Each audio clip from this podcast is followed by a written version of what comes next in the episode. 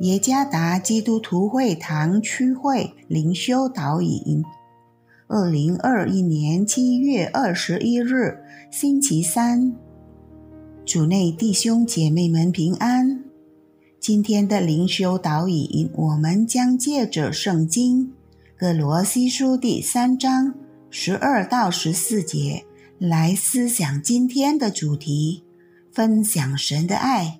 作者。古萨拉传道，哥罗西书第三章十二到十四节。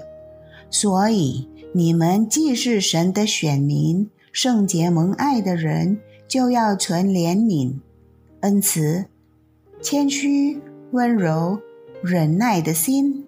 倘若这人与那人有嫌隙，总要彼此包容，彼此饶恕。主怎样饶恕了你们，你们也要怎样饶恕人。在这一切之外，要存着爱心。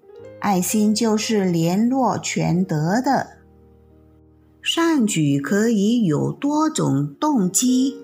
我们可以帮助有需要的人，同时希望得到更多的祝福，或者。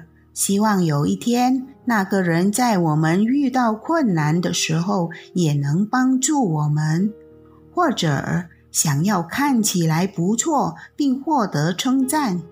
如果没有正确的动机，成千上万的善举在上帝眼中都是毫无意义的。这种爱不是神想要的。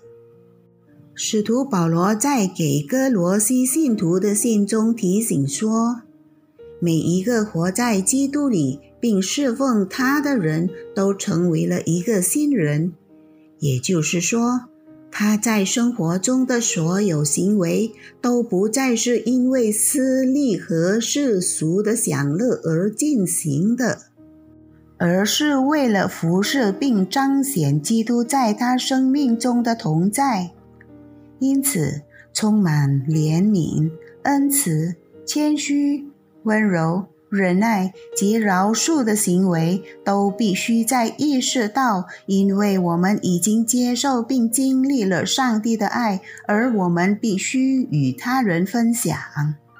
上帝的爱是一种纽带，使我们能够在生活中做很多事情。